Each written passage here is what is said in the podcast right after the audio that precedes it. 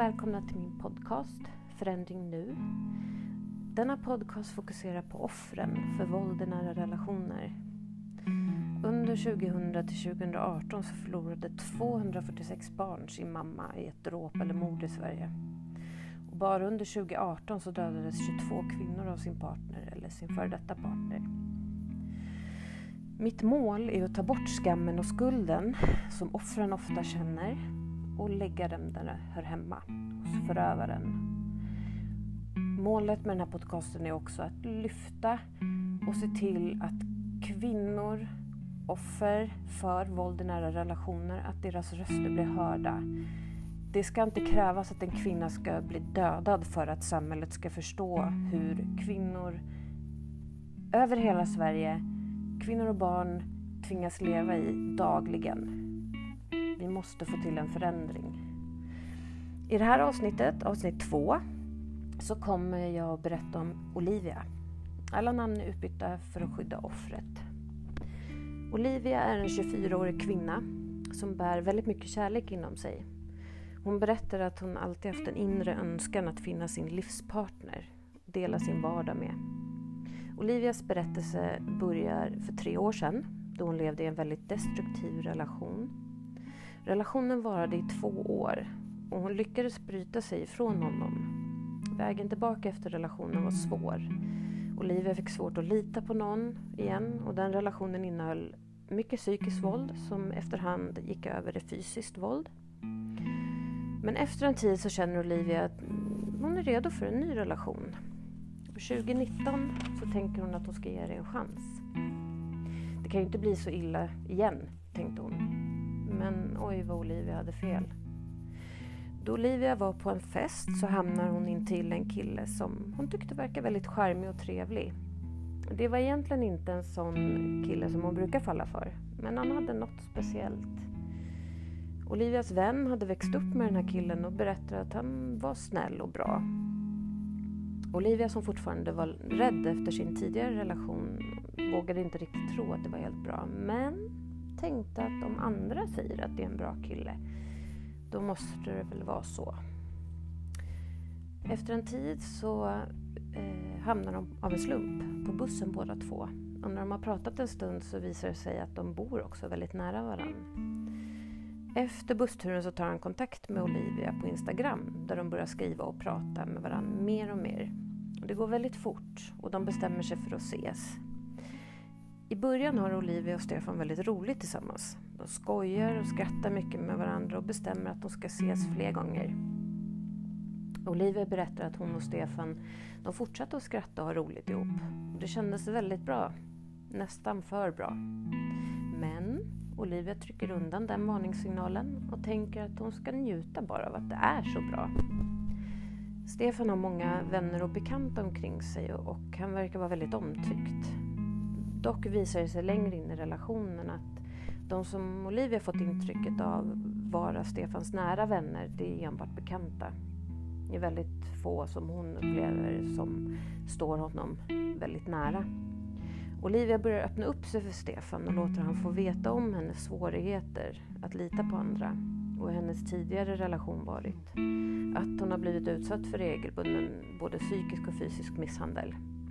Stefan intygar att han skulle aldrig kunna göra så mot henne och så vidare. Tiden går. Stefan frågar Olivia varje dag om de ska ses och luncha. Hon känner sig väldigt uppskattad och omhändertagen. Han bjuder henne på många lyxiga restauranger och ger Olivia flera dyra presenter. Det är det här som kallas love bombing. Emellanåt kom det upp tankar att hon kände sig köpt och att det var för mycket. Men även de varningssignalerna tryckte hon undan. Vid ett tillfälle då Olivia och Stefan var ute så kom två så kallade tjejkompisar till Stefan fram till dem. Och Olivia kände direkt obehag inför att träffa dem och en av tjejerna säger att hon minsann har sett bilder på Olivia. Och de börjar ställa massa frågor till henne. Olivia fortsätter att känna sig obekväm men vill inte förstöra stämningen. De båda tjejerna frågar om Olivia och Stefan vill spela biljard och de spelar allihop. Olivia ser att båda tjejerna viskar med varandra och skrattar och Stefan går undan för att ta ett telefonsamtal och då kommer den ena tjejen fram till henne och frågar henne varför hon inte säger åt Stefan att sluta prata. Hon berättar också att Stefan snackar med andra tjejer bakom Olivias rygg och sen skrattar de åt Olivia. Hon säger sen att Olivia borde vara rädd. Olivia undrar vad hon ska vara rädd för, men hon får inget svar. Hon mådde väldigt dåligt efter det här och blev väldigt upprörd så hon går ut och gråter och Stefan går efter henne. Hon frågar Stefan vad det är med hans vänner och varför de säger sådana saker. Och Stefan hävdar att Olivia måste uppfattat allt fel och överreagerat. Och tjejerna är bara svartsjuka. Han sa också att den ena tjejen beter sig så när hon dricker. Det går ett par dagar och eh, det har blivit förändrad stämning mellan Olivia och Stefan efter den kvällen. För Olivia vet inte riktigt vad hon ska tro. Tankarna går fram och tillbaka i huvudet. Eh, vid en dag så kommer Stefan hem till Olivia och säger att han vill prata. Han säger att han har ringt sin så kallade tjejkompis och berättat för henne att det inte är okej att behandla Olivia på det sättet. Olivia som fortfarande känner obehag trycker igen bort de känslorna och godtar ursäkten. De fortsätter att umgås men Olivia är lite mer på sin vakt. Det gnager i hennes mage av obehag. Nu börjar nyår och julafton närma sig och Stefan säger att han vill vara med Olivia på nyårsafton. Eh, han har blivit, de har blivit inbjudna till en nyårsmiddag med hans vänner. Och Stefan berättar att han aldrig haft en flickvän med till de middagarna och att det skulle betyda så mycket för honom om Olivia följde med.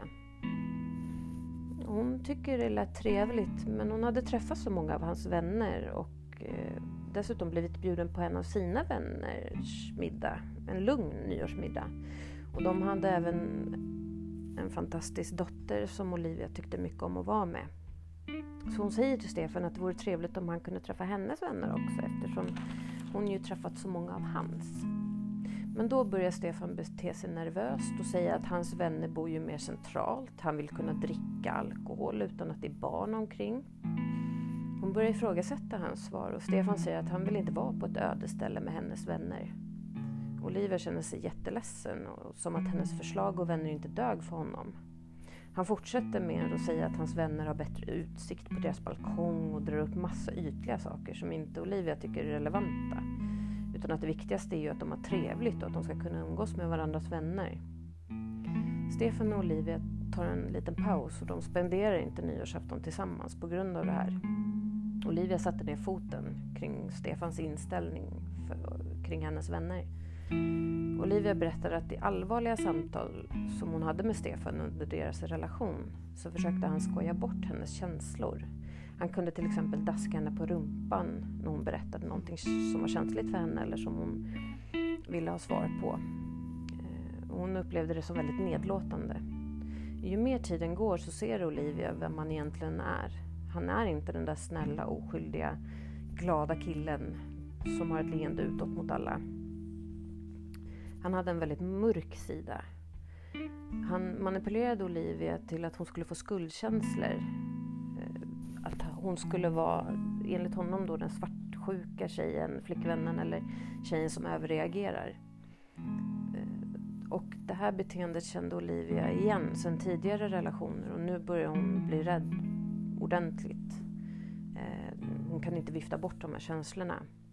Men tyvärr när man blir manipulerad och utsatt för den här psykiska misshandeln så blir man fast även om man känner sig rädd. Eh, det går inte bara att, det är inte svart eller vitt, går inte att bara vifta bort.